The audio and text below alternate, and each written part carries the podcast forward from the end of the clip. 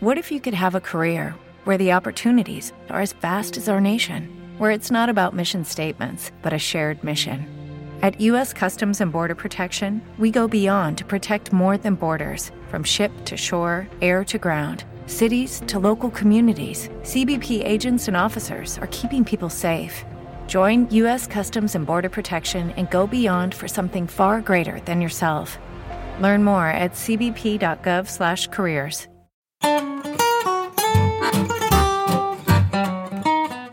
Hallo en welkom bij het Leesvirus, de podcast van drie vrienden die alle drie besmet zijn met een aanstekelijk virus en niet van boeken af kunnen blijven en dat graag met jullie delen. Mijn naam is Stefan de Vries en ik praat met uh, Olaf Koens en Ronit Palas. Dag jongens, zijn jullie er weer deze week? Hallo. Hallo. Hallo daar. Um, ja, nou, het was weer een fijne coronaweek. Tijd om te lezen. Wat hebben jullie allemaal gelezen? Laten we eens beginnen met, uh, met Ronit. Nou, ik kom echt nergens anders meer aan toe dan het lezen van Renate Rubenstein. En dat heeft te maken met een bloemlezing die ik van haar werk samenstel voor de Arbeiderspers in de privédomein reeks. Oh, dus, je probeert uh, nu even je eigen werk nog te pluggen. Dat, uh, nee, dat, zo zijn we niet getrouwd. Nee. Het is er, het nog, is er nog helemaal er niet. Nog dus er is nog helemaal niks te pluggen.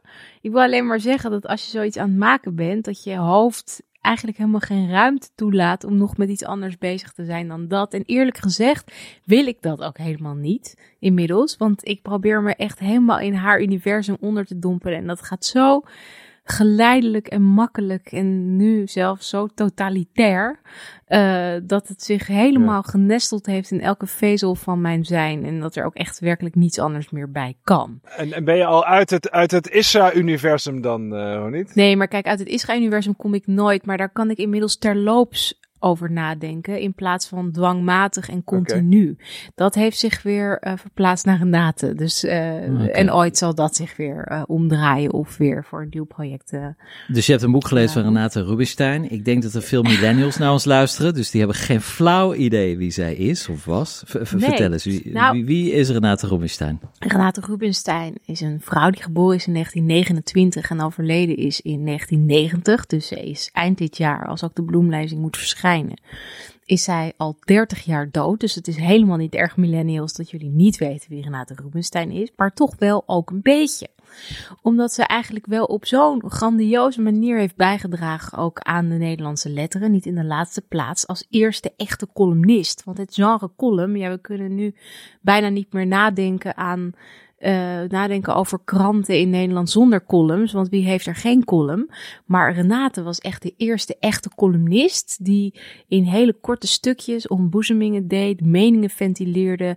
En die zichzelf niet zelden op de voorgrond plaatste. Dus zij had uh, soms een beetje politiekachtige opvattingen. Of opvattingen over het feminisme. Of over kruisraketten. Of over Israël en antisemitisme. Oorlog, noem maar op. Maar ook vooral toch heel veel over zichzelf.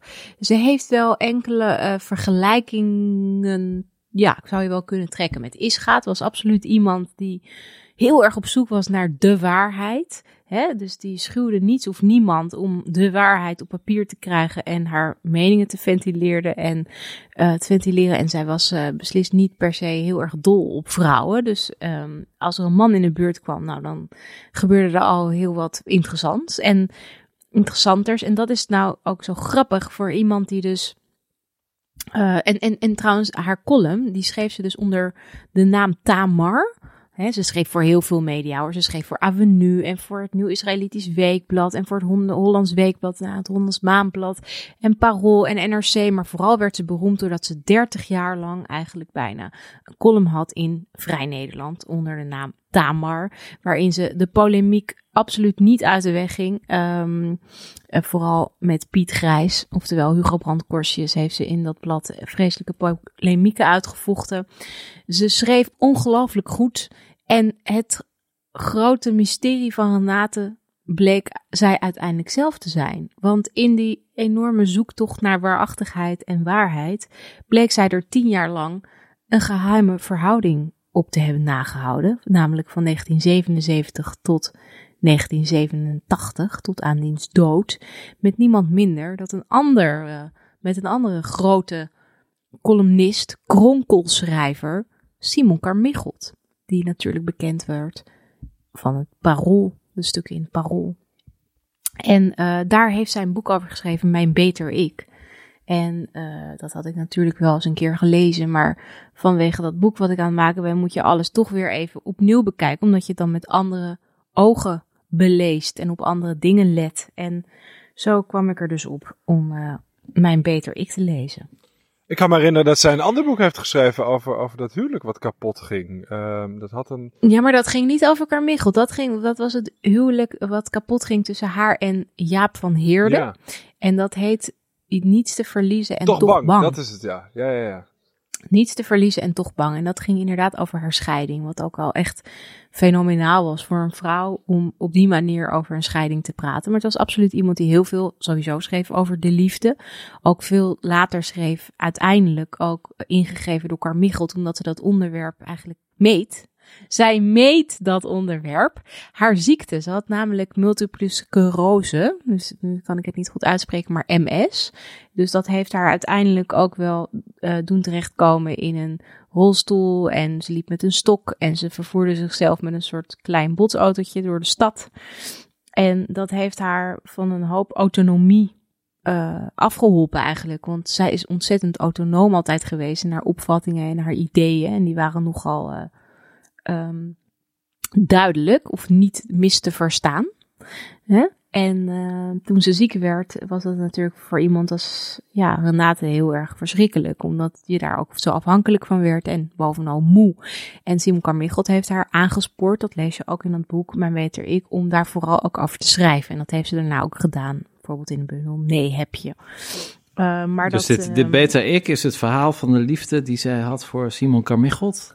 Ja, inderdaad. En uh, dat heeft ze dus uitdrukkelijk pas gepubliceerd toen niet alleen hij dood was, maar ook zijzelf en ook zijn vrouw, Tini. Want dat moest allemaal geheim blijven. Ze wilde niet uh, dat dat daarvoor gepubliceerd zou worden. Dus een jaar na haar dood, dus 1991, kwam Mijn Beter Ik uit. En eigenlijk is ze begonnen met schrijven op het moment dat Simon Carmichael overleed. En toen had ze echt toch het idee dat ze zo'n overweldigende liefde voor die man gevoeld had, dat zich dat manifesteerde in een, ja, in een behoefte die ze niet kon negeren om daarover te schrijven. En uh, nou ja, het is een laat ik dan even iets kort zeggen over het boek. Hè, want eh, ze hebben dus allebei een enorme uh, verliefdheid voor elkaar gekoesterd. Een diepe liefde. Dat is even uit geweest. Uh, heeft het even geprobeerd te onderbreken. Omdat hij dus ook zijn vrouw daarover had ingelicht. En het allemaal toch wel heel erg ingewikkeld was. Maar later bloeit dat allemaal weer op. Daar lezen we over. En we hebben toch altijd een beetje het idee van zo'n Carmichael met zijn regenjas. En dat gerimpelde gezicht. En die sigaret. en die ernstige blik. En een beetje miserig onderkoeld mannetje. Dat wel geweldige stukken schreef. Heel erg op de details, hè, de kleine dingen van het leven. En daar dan die briljante kronkels over schreef. Maar ondertussen ontpopt zich dus een enorm vurige minnaar in dat boek. Een man die wel van een vrijpartijtje houdt hier of daar. Hij kwam dan twee keer per week bij haar langs. Ik geloof op dinsdag en zaterdag of zondag. Dat moet ik even van af zijn. En dan bleef hij een paar uurtjes. En dan vreeën ze hartstochtelijk. En Elke dag kreeg ze een kaartje. En soms had hij wel een kaartje in de bus gedaan als hij op weg naar haar naartoe was. En soms ontvingen ze er drie. En als hij in het buitenland was, kreeg ze weer een hele hoop post van hem. En kleine tekeningetjes en kriebeltjes en dingetjes. Nou ja, gewoon een soort verliefde pubers. Behalve dat hij dus al 64 was toen die relatie met Renate begon. En hij gewoon, zoals Renate hem noemt, de meest getrouwde schrijver van Nederland was. Wat weer echt een prachtige observatie is die Renate natuurlijk daar doet. En hij heeft er heel af en toe uh, heel stiekem over geschreven. Dat was dan, toen was het inmiddels niet meer de kronkelkolom. Want uh, dat was alweer nadat die kronkelkolom was opgeheven. Maar hij schreef nog wel voor het parool. En dan verhaalt hij over een geheime liefdesrelatie die hij in een grijs verleden juist in dit park had gekoesterd. En het gaat dan over een eenzame man op een bankje in het Wertheimpark. En het beschreven personage is een kleine, stevige man met springerig haar. En, uh, en die vrouw, vertelt hij dan, zittend in het parkje, die woonde daar, in die zijstraat op nummer 15. Ik mocht wel eens een middag bij haar komen vrijen, om twee uur precies aanbellen, geen seconde eerder. Zo was ze nu eenmaal. Maar verliefde man is ongeduldig. Ik was altijd ruim een uur te vroeg en dan ging ik hier in het parkje wachten tot ik aan mocht bellen. Eigenlijk waren dat mooie uren. Ik was bijna bij haar. Nou ja, dat is natuurlijk zo mooi. Wat niemand dus wist, was dat achter dat kleine mannetje op dat bankje in het park hij zelf schuil ging. Hè? Dus hij was eigenlijk op, ja, toch ook via zijn column zijn liefdesrelatie aan het opbiechten. Maar niemand had het in de gaten. Behalve later bleek toch wel die Tini. Die had het allemaal wel door hoe dat zat. En het Wertheimpark was natuurlijk niet het Wertheimpark, maar het Sarfati-park. Waar Renate Rubenstein aan woonde. Nou, ga zo maar door. En ze heeft prachtige observaties over hem. En ook het verloop van een liefde zie je zo goed. Hè? Hoe de stadia van de liefde, van die hevige verliefdheid. En dan het gevoel van diepe liefde. En een soort vertrouwen dat je er altijd bent voor elkaar. En dat je alles tegen elkaar kunt aanhouden. En ook die prachtige, niet jaloerse manier voor als de ander iets moois doet. Dat je dan zo oprecht blij kunt zijn van elkaar. Tot tanende van de verliefdheid. En als de verliefdheid afneemt en wat er dan overblijft. En daar schrijft zij heel mooi over. En tegelijkertijd, zeker die beginfase, dat hele verliefdige gedoe, dat is natuurlijk ook wel weer een beetje saai. Want nou komen we toch wel weer een beetje bij dat thema van waar Annika Karenina mee begint natuurlijk, is dat alle gelukkige mensen op elkaar lijken. En dat is ook zo. In dit geval zijn alle gelukkige gezinnen. En dat, dat is natuurlijk ook waar verliefde mensen zijn niet heel erg spannend om naar te luisteren, omdat je eigenlijk bijna altijd vervalt in het soort clichés waar verliefde mensen nou eenmaal in vervallen. Ik sprak onlangs een dierbare vriendin van mij. Die vertelde dat ze een goede vriend had. En die was continu verliefd of zijn huis aan het verbouwen. Nou, en die twee dingen, die brengen eigenlijk altijd dezelfde soort verhalen voort. Dus daar had ze zo schoon genoeg van dat ze dacht, nou, ik zeg de vriendschap op. Want ik heb er genoeg van om elke keer naar al die verliefde toestanden te luisteren of naar het verbouwen van dat huis. Dat weet ik nou wel. Uh, en, en dat bekruipt mij, om eerlijk te zijn, af en toe ook een beetje bij het lezen van dit boek. En tegelijkertijd is het een ontzettend mooi relaas. Ook nog van zo'n liefde die in alle heimelijkheid plaatsvindt. Dus dit soort giganten van de Nederlandse letteren. Want dat waren ze toch wel. En toen dat boek uitkwam, ja, dat was ook echt wel een schok, kan ik me zo voorstellen. Ik heb het niet meegemaakt, want, nou ja, ik ben uit 84, dus niet bewust meegemaakt. Maar je kunt je voorstellen dat Hè, dat zulke giganten, als dan blijkt dat die tien jaar lang ook niet eventjes zo'n vurige relatie met elkaar onderhouden. En daar dan zo uitvoerig over in gesproken wordt. En al die passanten die langskomen, als Annie M. G. Schmid en de tekenaar Peter Vos. En nou ja, noem maar op. Dat is natuurlijk smullen geblazen voor de literaire wereld. En zelfs nu, met enige vertraging, is dat echt nog wel smullen. Ja, dat is eigenlijk wat ik, wat ik je wil vragen, zeg maar. Dus uh, natuurlijk hebben we het over uh, uh, de jaren 60, jaren 70, jaren 80. Carmichelt, ja. polemiek, Hugo Brandt Korsius. Dat is toch allemaal wel een generatie Zeker, geleden. maar dat komt hier niet zozeer waarom in is, voor. Waarom is het nu? Dat, kijk, dit is gewoon een heel tijdloos document over wat liefde is. En wat liefde tussen twee mensen betekent. En natuurlijk krijgt het extra gewicht doordat het Renate Rubinstein en Simon Carmichelt zijn. Maar zelfs als je niet weet wie deze twee mensen zijn, dan is het alsnog een heel erg mooi en kostbaar relaas um, tussen de liefde van twee mensen. Hoe mooi dat is. En zeker, er komen wat actuele dingetjes voor die nu niet meer zo actueel zijn. Maar ja, dat doet er in feite niet zoveel toe. Um, mijn beter ik van Renate Rubinstein, is het nog steeds verkrijgbaar? Ik denk dat het wel verkrijgbaar is. Het zal, kijk, ze is... Boekwinkeltjes.com. Nou, dat sowieso. En ze is, kijk, ze is 23 november, uh, is het 30 jaar dood. Zoals ik net al zei. En ik zal zeker een paar stukjes opnemen uit dit boek voor de bloemlezing, maar zeker niet alles. En ik vermoed dat haar uitgever wel een paar boeken zal herdrukken op het moment dat zij zoveel jaar dood is. Dus dan zal het in ieder geval weer leverbaar zijn. Maar je kunt er nog genoeg vinden online. En in de betere boekhandel ook wel. En, en dan wil ik nog één laatste dingetje zeggen, wat ook gewoon heel erg mooi is, omdat het dus autobiografisch is. Renate's vader uh, was een Joodse man die in 1940 al is weggevoerd door de Duitsers. Uiteindelijk is hij in 1942 pas vermoord, maar in 1940 moest ze hem al uh, verliezen eigenlijk. En eigenlijk heeft ze altijd een soort vaderfiguur gezocht. En daarin spreekt zij ook heel openhartig in dit boek dat ze ook um, dat een beetje vond in Simon Carmichelt. En dat is eigenlijk wel heel erg aandoenlijk ook, hoe ze daarover schrijft. En daar kun je ineens alles bij voorstellen. En hoe heimelijk die hele situatie ook was, dat het toch een soort veiligheid voor haar bood, die zij, uh, ja, waar zij zo naastig naar op zoek was.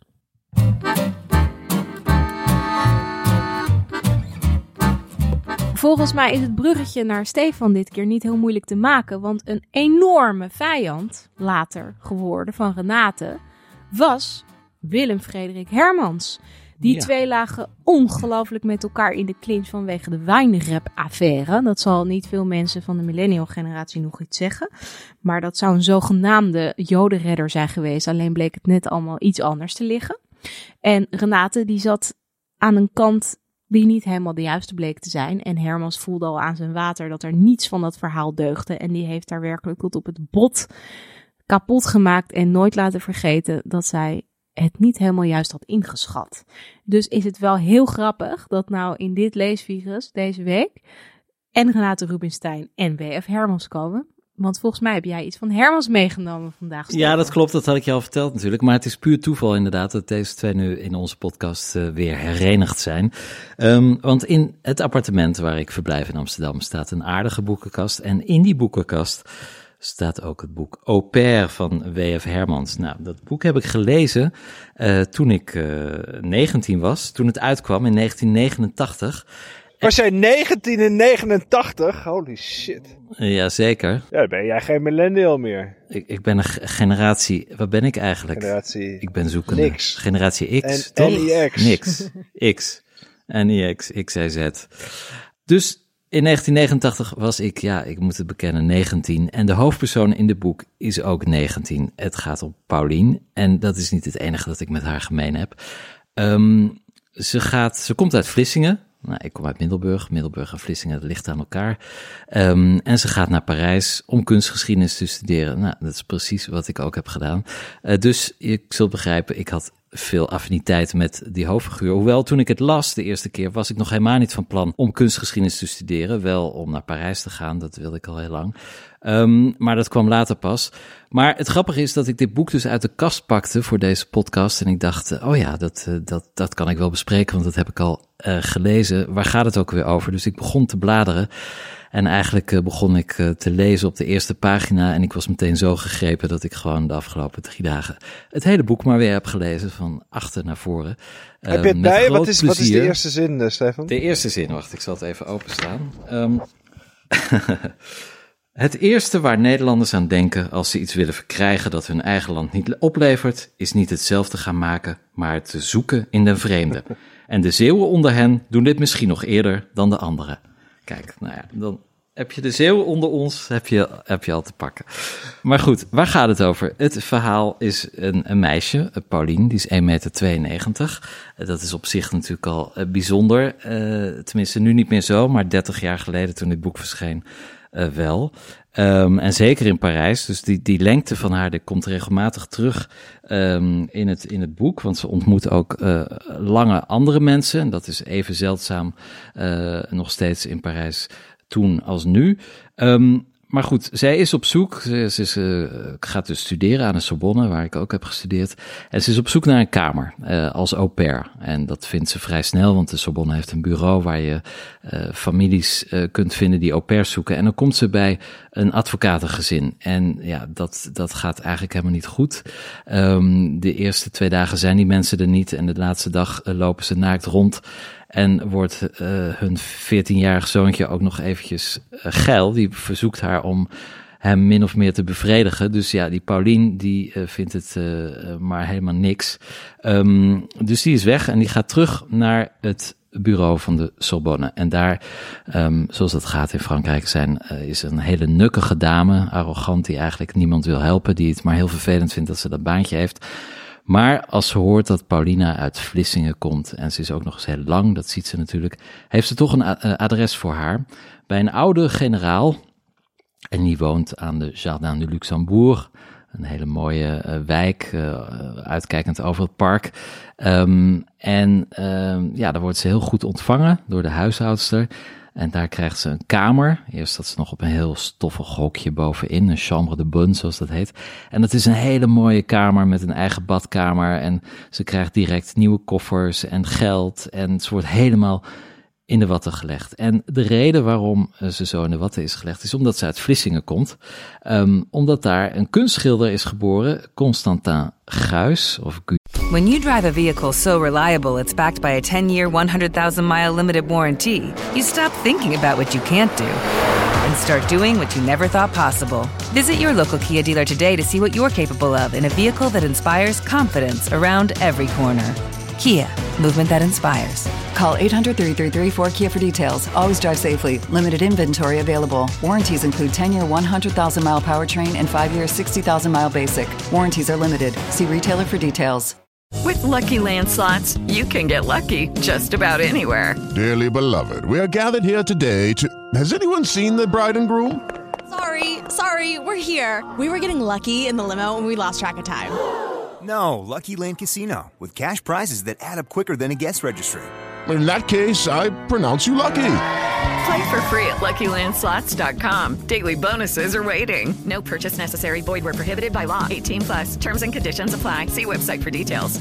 Wies, waarschijnlijk in het uh, Frans. Totaal onbekend in, in Nederland, maar uh, kennelijk een beetje beroemd in Frankrijk. Um, en dat, ja, dat komt ook steeds terug in deze roman, dat W.F. Hermans allerlei grappige uh, feitjes eigenlijk uh, laat weten dat hij die kent. Uh, het gaat over kunst, het gaat over literatuur, het gaat over muziek. en iedere keer krijg je een heel klein collegetje van iets wat kennelijk Hermans heel erg leuk vindt. En ja, daar hoort dus ook deze in Vlissingen geboren Constantin Guis of Guis bij. En Um, ja, die generaal vindt het leuk om met Paulina daarover te praten, want zij studeert kunstgeschiedenis en ze komt uit Vlissingen. Maar ja, die Paulina die heeft er nog nooit van gehoord. Maar ze woont dus in dat prachtige huis aan de rand van de Jardin Luxembourg.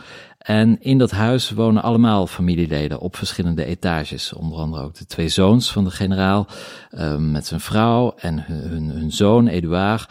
Um, en iedereen is eigenlijk heel erg blij met Paulina. Um, en Paulina wordt echt in de watten gelegd, maar ze hoeft eigenlijk niks te doen. En ze begrijpt niet zo goed waarom. Ze voelt zich daar wel fijn bij die familie, maar het is ook een beetje excentriek. Um, en niemand vraagt wat aan haar. Nou, dan ontdekt ze dus dat uh, die familie, de Lune, iets met haar voor heeft. Namelijk dat um, haar, uh, de generaal, uh, die in de Tweede Wereldoorlog ja, dus actief was, die had het kapitaal van zijn Joodse buurman gekregen. Een, een koffer met papieren, waardepapieren en geld. En uh, dat zou zijn buurman na de oorlog opkomen halen. Maar die buurman is natuurlijk nooit uh, komen opdagen. Um, wat er met die buurman is gebeurd is niet duidelijk. Um, maar uh, die generaal die dacht van ja, ik kan die koffer bewaren, maar ik kan het geld ook beleggen. Um, en dat is, heeft hij gedaan. En daardoor is het geld, het kapitaal van die meneer, vertwaalvoudigd. Maar ja, veertig jaar na de oorlog weet de generaal eigenlijk niet wat hij ermee moet doen. Want er is geen spoor meer over van die man. Hij heeft ook geen nakomelingen. En hij heeft dus dat enorme kapitaal wat hij eigenlijk verborgen heeft gehouden voor de fiscus. Nou, nu is er het plan van de familie om dat geld veilig te stellen, om het niet terug te geven aan, uh, aan iemand dat, die in de verte een erfgenaam zou kunnen zijn, een SS-soldaat, um, de halfbroer van de vrouw van de buurman. Um, en de generaal, de oude generaal, wil graag dat het geld gaat naar een Joodse organisatie in Israël. Nou, uiteindelijk gaat Paulina met de koffer op stap. De koffer vol geld. Ze moet het naar Zwitserland brengen, maar ineens moet ze dan ergens anders naartoe, naar Luxemburg. En vervolgens komt ze erachter wat het echte verhaal is van die hele familie. Um, en dat, uh, ja, dat zal ik niet verklappen, want ik kan het echt iedereen aanraden. De roman is dus inmiddels ja, ruim 30 jaar oud. Maar is, is ontzettend uh, meeslepend. Um, en ja, de, het is um, een prachtig verhaal met heel veel, waaruit heel veel liefde blijkt van W.F. Hermans in, in Parijs, uh, voor Parijs. Hij beschrijft ook heel nauwgezet allerlei straatjes en plekken en bijvoorbeeld ook de bibliotheek waar, waar ik ook heb gestudeerd van, van kunstgeschiedenis. Um, het, het, is heel duidelijk dat hij Parijs een warm hart toedraagt. Uh, W.F. Hermans heeft natuurlijk zelf in Parijs gewoond, uh, een jaar of 15, in de jaren 70 en 80, toen hij, totdat hij, hij werd aangevallen in zijn appartement door eh, iemand die hem beschuldigde van plagiaat. En zijn vrouw en hij raakten daarbij behoorlijk eh, gewond. En daarna is hij naar Brussel gegaan. En hij is nooit meer in Parijs geweest. Maar ehm, je merkt heel duidelijk dat W.F. Hermans gek is op Parijs. Ehm, en ook gek op Paulina, want er zitten allerlei erotische, semi-erotische beschrijvingen van het enorm lange lijf van Paulina. Waarbij je eigenlijk denkt, eh, is deze oude eh, W.F. Hermans misschien wel verliefd op een jonge kunstgeschiedenisstudent uit Parijs. Maar goed, het is een, eh, een, echt een heel goed verhaal. Het is bijna ook volledig opgebouwd uit dialogen. Ehm, ook wel beschrijvingen, maar het grootste deel zijn toch dialogen. En die zijn ja, ontzettend goed geschreven. En ik vraag me af waarom deze roman nooit verfilmd is. Want het is allemaal zo beeldend en, en spannend. Eh, eh, je ziet er gewoon een film in. Dus ja, dit is de roman die ik de afgelopen dagen heb herlezen. Uh, Au pair van W.F. Hermans. Doet me ook weer een beetje terugbrengen langzamerhand in Parijs. Ehm, want ik ga komende week weer terug naar Parijs. Dus dat was ook een mooie bijkomstigheid. Wat, wat wou ik, ik wou vragen, Stef, bestaat dat nog steeds? Kan je nog steeds au pair worden in Parijs? Jazeker, uh, sterker nog, uh, dat is een hele gangbare praktijk. Uh, au pair bij wat rijkere mensen met een wat groter huis, want ze moeten natuurlijk wel ergens wonen. Ja. En mensen die geen, geen ruimte hebben voor een au pair, die hebben een nounou. Ja, nounou. Um, een, een dat is iemand die voor de kinderen ja. zorgt. Um, maar een au pair die, die in ruil voor kosten en inwoning voor de kinderen zorgt en daarna studeert, jazeker, dat bestaat absoluut nog. Dus als je nog uh, kinderen hebt die je naar Parijs wilt sturen, uh, die, die kunnen zo aan de slag als au pair. Ik zou zelf graag een au pair willen hebben. Oh, viezerik. Ik heb er ook echt een bijzondere herinnering aan. Het is mij door een van mijn eerste geliefdes, dat echt een, een man van het boek was. Die heeft mij dat hele boek integraal voorgelezen. In een paar avonden in Antwerpen. Dus het is echt een heel. Uh, dat herinner ik me echt meteen als ik aan dat boek denk. Wauw. Ja. Voorgelezen. Ik denk ja. dat iedereen het. Ja, helemaal voorgelezen. Met stemmetjes en alles. ja, Pauline had een andere stem dan alle andere personages. Maar het is, ja, ik vind het een fantastisch boek, echt. Lekker lijvig Hermans boek. Lekker lijvig Maar dat is toch niet een boek wat... Ja, want het is ook niet het boek wat iedereen op zijn lijst zet. Dat is altijd maar weer die donkere kamer. Of, niks uh, ten toch? nadele van de donkere kamer. Dat is, uh, Zeker niet, maar het heeft een boek. heel andere... Uh, au pair heeft een heel andere... in de hiërarchie van Hermans. Heeft iets, ja. Ja. ja, dit is een van zijn laatste romans. Hè? En hij is er ook zes jaar mee bezig geweest. Want eh, het speelt zich af in 84, maar het is dus uitgebracht in 89. En sommige delen van het verhaal zijn ook verschenen in uh, NRC, Elegance en nog wat bladen. Dus hij heeft er heel erg lang aan geworsteld en, en geschaafd en, en ge, ge, gebouwd eigenlijk. Maar, en dat merk je ook. Het, het zit gewoon heel goed in elkaar en iedere keer zijn er weer... Uh, ja, hij, hij, gaat steeds ook, uh, hij heeft kleine colleges over muziek. Oh ja, dat staat er ook nog in. Uh, hij heeft het op een gegeven moment, een van die mensen die in dat huis wonen, luistert naar muziek en is een pianist. En, en dan maakt um, Paulina kennis met, de, met zijn favoriete componist en die heet Alkan. Nou, Alkan, ik heb er nog nooit van gehoord. jullie wel? Nee, maar... Nee, um, nou... Een Charles Valentin Alcan. Nou, ik heb er even naar geluisterd op Spotify, kan je dat vinden. En uh, je zou denken dat het Chopin is als je het eerst hoort. Maar de grap is, het is de buurman van Chopin. Zoiets als wijn.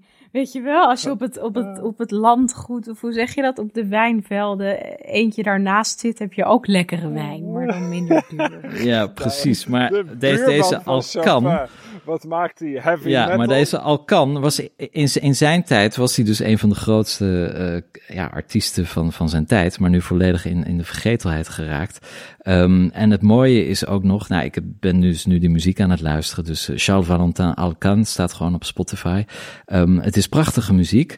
Um, het, het is ook een beetje filmmuziek en het mooie is dat deze Alcan, dus de buurman van Chopin, hij is op 74-jarige leeftijd in Parijs overleden op een hele toepasselijke wijze voor uh, deze podcast, het leesvirus.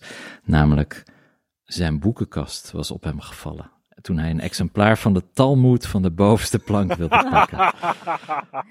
ja, willen, willen we niet allemaal zo sterven? Uh, nou, ja, weet niet. nee. Onder een boekenkast? Nee.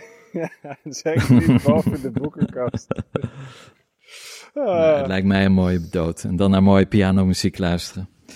Ja, dus deze meer dan 30 jaar oude roman, 400 pagina's, perfect om in deze tijd uh, te lezen. Je kan helemaal wegdromen. Uh, dus Au pair van Willem Frederik Hermans en nog steeds, uh, ja, volgens mij nu al de 25ste druk in de winkels.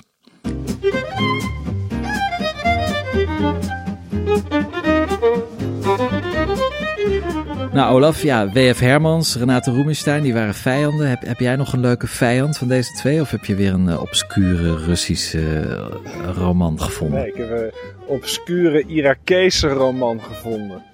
Um, ja, dit is, totaal niet uh, naar elkaar toe te praten. Deze man uh, maakt geen onderdeel uit van, van een polemiek. Uh, als die ruzie heeft, dan is het denk ik vooral met zichzelf. Ik heb het boek Lijken tentoonstelling. Wat een titel hè. Hassan Balassim is de schrijver. Een Irakees die, ehm, ik denk zo'n 15 jaar geleden naar Europa is gevlucht. Irakese schrijver die nu al jarenlang in Finland woont. Ja, het zou je maar gebeuren. Uh, ik vond het een, het, het, het heet. Als je naar de, de, de omslag kijkt. Um, het is een boek uit 2017, uitgegeven, uitgegeven door Jurgen Maas. Als je naar de omslag kijkt, zie je een soort uh, in elkaar gestort, gebombardeerd huis. En daar overheen zie je die dansende figuren van Matisse. Heel intrigerend boek. Op de achterkant staat de schrijver die in een soort hol zit en een beetje zo met van die donkere ogen naar buiten kijkt. En het is echt een van de donkerste dingen die ik in lange tijd heb gelezen. Uh, een heel ruw boek. Het zijn, het zijn korte verhalen. Um, het is een beetje een, een, een, een vreemd boek eigenlijk. Um, het speelt zich veel af in ziekenhuisbedden. Het gaat natuurlijk over de oorlog in Irak. Het gaat over corruptie. Het gaat over vluchten. Het gaat over asielzoekerscentra. Het gaat over hoe je moet liegen over je eigen verhaal. Hoe je eigen geschiedenis een beetje wordt vervlochten met een verhaal wat je dan verzint in een asielprocedure om te hopen dat je ergens asiel krijgt. Um, die vluchtelingenroute, hij is in 2004 al gevlucht, maar het gaat over uh, ja, hoe mensen vluchten naar Europa. Er zit een vreselijk verhaal in over hoe uh, een groep migranten opgesloten zit achter in een vrachtwagen en uiteindelijk allemaal om het leven komen. Het is vaak heel realistisch, heel ruw. En soms wordt het bijna een soort horror. Um, in dat verhaal over die vrachtwagen. Die vrachtwagen wordt dan geparkeerd ergens aan de grens. En die mensen stikken daar langzaam. En op het eind van het verhaal dan wordt het, die vrachtwagen opengemaakt door de Roemeense douane. En dan springt er een wolf uit. Um, het zijn echt een beetje ja, ruwe horrorverhalen. Ik moet ook zeggen dat ik het, en dat gebeurt me niet vaak, uh, ik heb het gewoon een paar keer weggelegd. Dat ik echt dacht, gadverdamme. Um, en ik kan best wel op hebben. Hè? De, verhalen van, van, van Babel over de oorlog uh, lees ik. De verhalen van, van, van uh, Malaparte over de oorlog lees ik. Van Grossman uh, geen probleem. Maar dit is vaak zo ruw. En dat komt, door, het komt eigenlijk door twee dingen. Het komt door die vreemde, nare, harde beschrijvingen van, van de realiteit. Maar ook door dat, door dat absurde wat er af en toe in zit. Um, het, het titelverhaal, die lijken tentoonstelling, gaat over een soort moordbrigade die een soort wedstrijd heeft. Hoe ze dan mensen zo creatief mogelijk om het leven brengen. Uh, ja, dat gaat allemaal wel heel erg in gruwelijke details. Er zit een, een, een, een ander verhaal in waarbij iemand wordt gekidnapt. Een ambulancebroeder in Bagdad. En die moet dan steeds weer andere taken vervullen voor verschillende groepen, waardoor die gekidnapt wordt. Het is, ja, een beetje... Um, ik werd er niet uh, vrolijk van. Maar het is wel bijzonder omdat je niet vaak leest over. Hè, we zien natuurlijk heel veel migranten. Uh, ik in ieder geval wel. We zien vluchtelingen. We weten ongeveer wel wat je meemaakt op zo'n reis. Maar heel zelden lees je dat echt zo van dichtbij. Dat is wel heel bijzonder. Die, die, die, die verhalen die we zo elkaar vertellen op die ziekenboeg in het ziekenhuis in Bagdad zijn ook heel erg aangrijpend. Het zijn dus korte verhalen, ik geloof een stuk of 13, 14 in dit boek. Uh, sommige personages heb je het idee dat ze terugkeren, of dan toch ook weer niet. Dan zijn ze weer anders. Op het eind denk je eigenlijk van ja, als je 150 pagina's gelezen hebt en er blijken nog twee verhalen te komen, dan denk je ja man, voor, schrijf nou eens een roman. en het aardige is dat het laatste hoofdstuk van het boek heet dan ook, waarom schrijf je uh, waarom schrijf je geen roman in plaats van steeds verhalen over al die personages? um, dus hij voelt hem al aankomen, uh, deze Irakese schrijver. Um, ja, ik vind het wel. Uh, het is een bijzonder boek in heel veel opzichten. Surrealistisch, brutaal, maar wel waar. Het is echt wat er gebeurt. En je ziet die enorme worsteling van die man die opgegroeid is in een, in een, in een, in een hele warme gewelddadige cultuur die heel hard is, waar mensen dicht bij elkaar staan, waar je, hij haalt jeugdherinneringen op aan, aan, aan, aan oorlogen, maar ook aan vriendschappen die daarin zijn ontstaan. En ja, nu woont hij in Finland. En Finland is denk ik, nou ja, het, het, het land wat het meest tegenovergestelde kan zijn van Irak. Ik, ik had het vorige week met een, met een vriend over Finland. Die maakte het grapje zo van: ja, we hebben ook in Finland tegenwoordig de anderhalve meter uh, afstand uh, samenleving. Maar dat vinden, die vinden wel heel erg dichtbij. Um, en dat is, dat is natuurlijk echt wel wat, wat, wat Finland is. Hè? En, en je ziet dat hij in Finland. Er, is ook een, een, een, oude grap over de Finnen. Uh, wat doet een introverte ja, Fin? Niks. Die kijkt die ken ik. Die kijkt naar beneden. Nee, die kijkt naar zijn schoenen. En wat doet een extraverte Fin?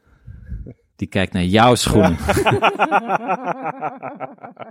Ja, ik vind echt een, het is een vrij, ik vind Irak een veel leuker land dan Finland. Um, en je ziet dat hij heel erg worstelt in Finland met, met, met, met de liefde. Die, die is vaak heel uh, plastisch. Er kan een beetje geneukt worden met een hoer. En dat, dat is het wel.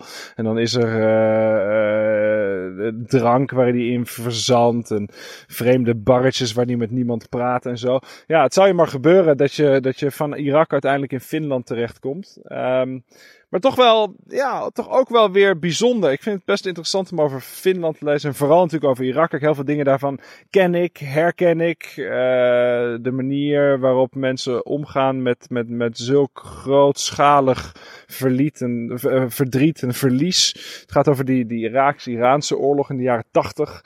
Uh, en wat daarop volgde, uh, die gifgasaanvallen, en dat, dat, al die dingen worden er wel in benoemd, maar het, het, het, het, is, er heel, het is heel hard en kort en heftig. En het, het doet een beetje denken aan, uh, ja, ga ik het toch vergelijken met een Rus, maar het doet toch best wel een beetje denken aan, aan, aan de verhalen van Babel.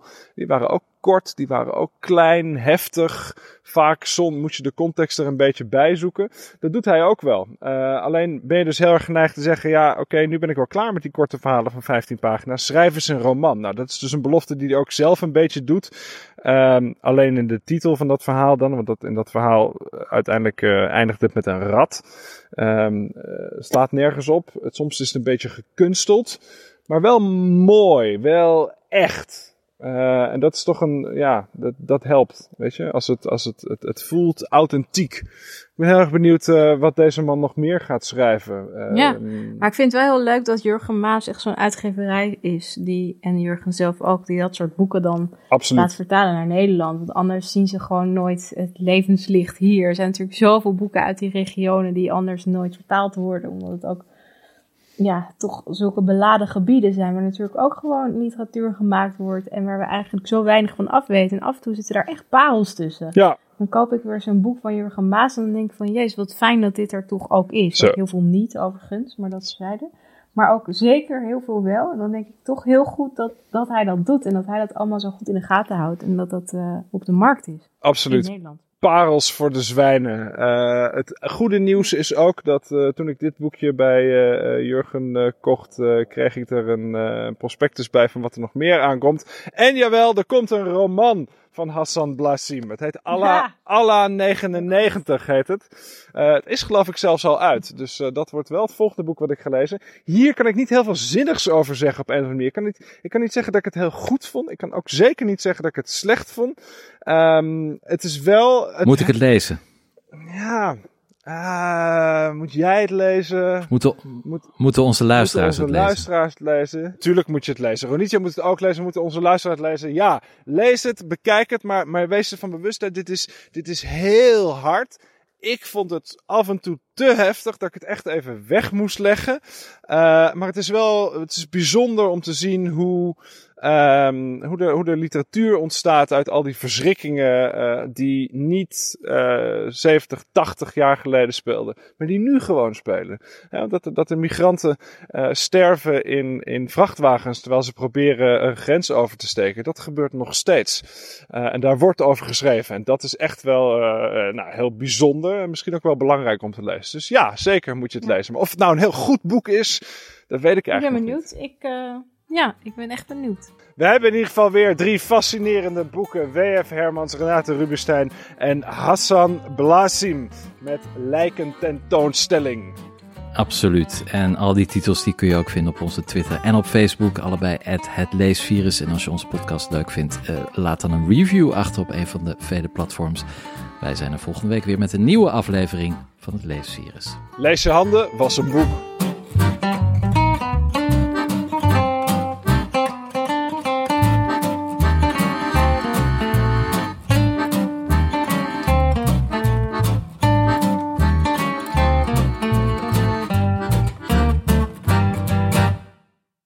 Guys, it is Ryan. I'm not sure if you know this about me, but I'm a bit of a fun fanatic when I can. I like to work, but I like fun too. It's a thing. And now the truth is out there. I can tell you about my favorite place to have fun Chumba Casino. They have hundreds of social casino style games to choose from, with new games released each week. You can play for free anytime, anywhere. And each day brings a new chance to collect daily bonuses. So join me in the fun. Sign up now at chumbacasino.com. No purchase necessary. VGW. Void were prohibited by law. See terms and conditions. 18 plus.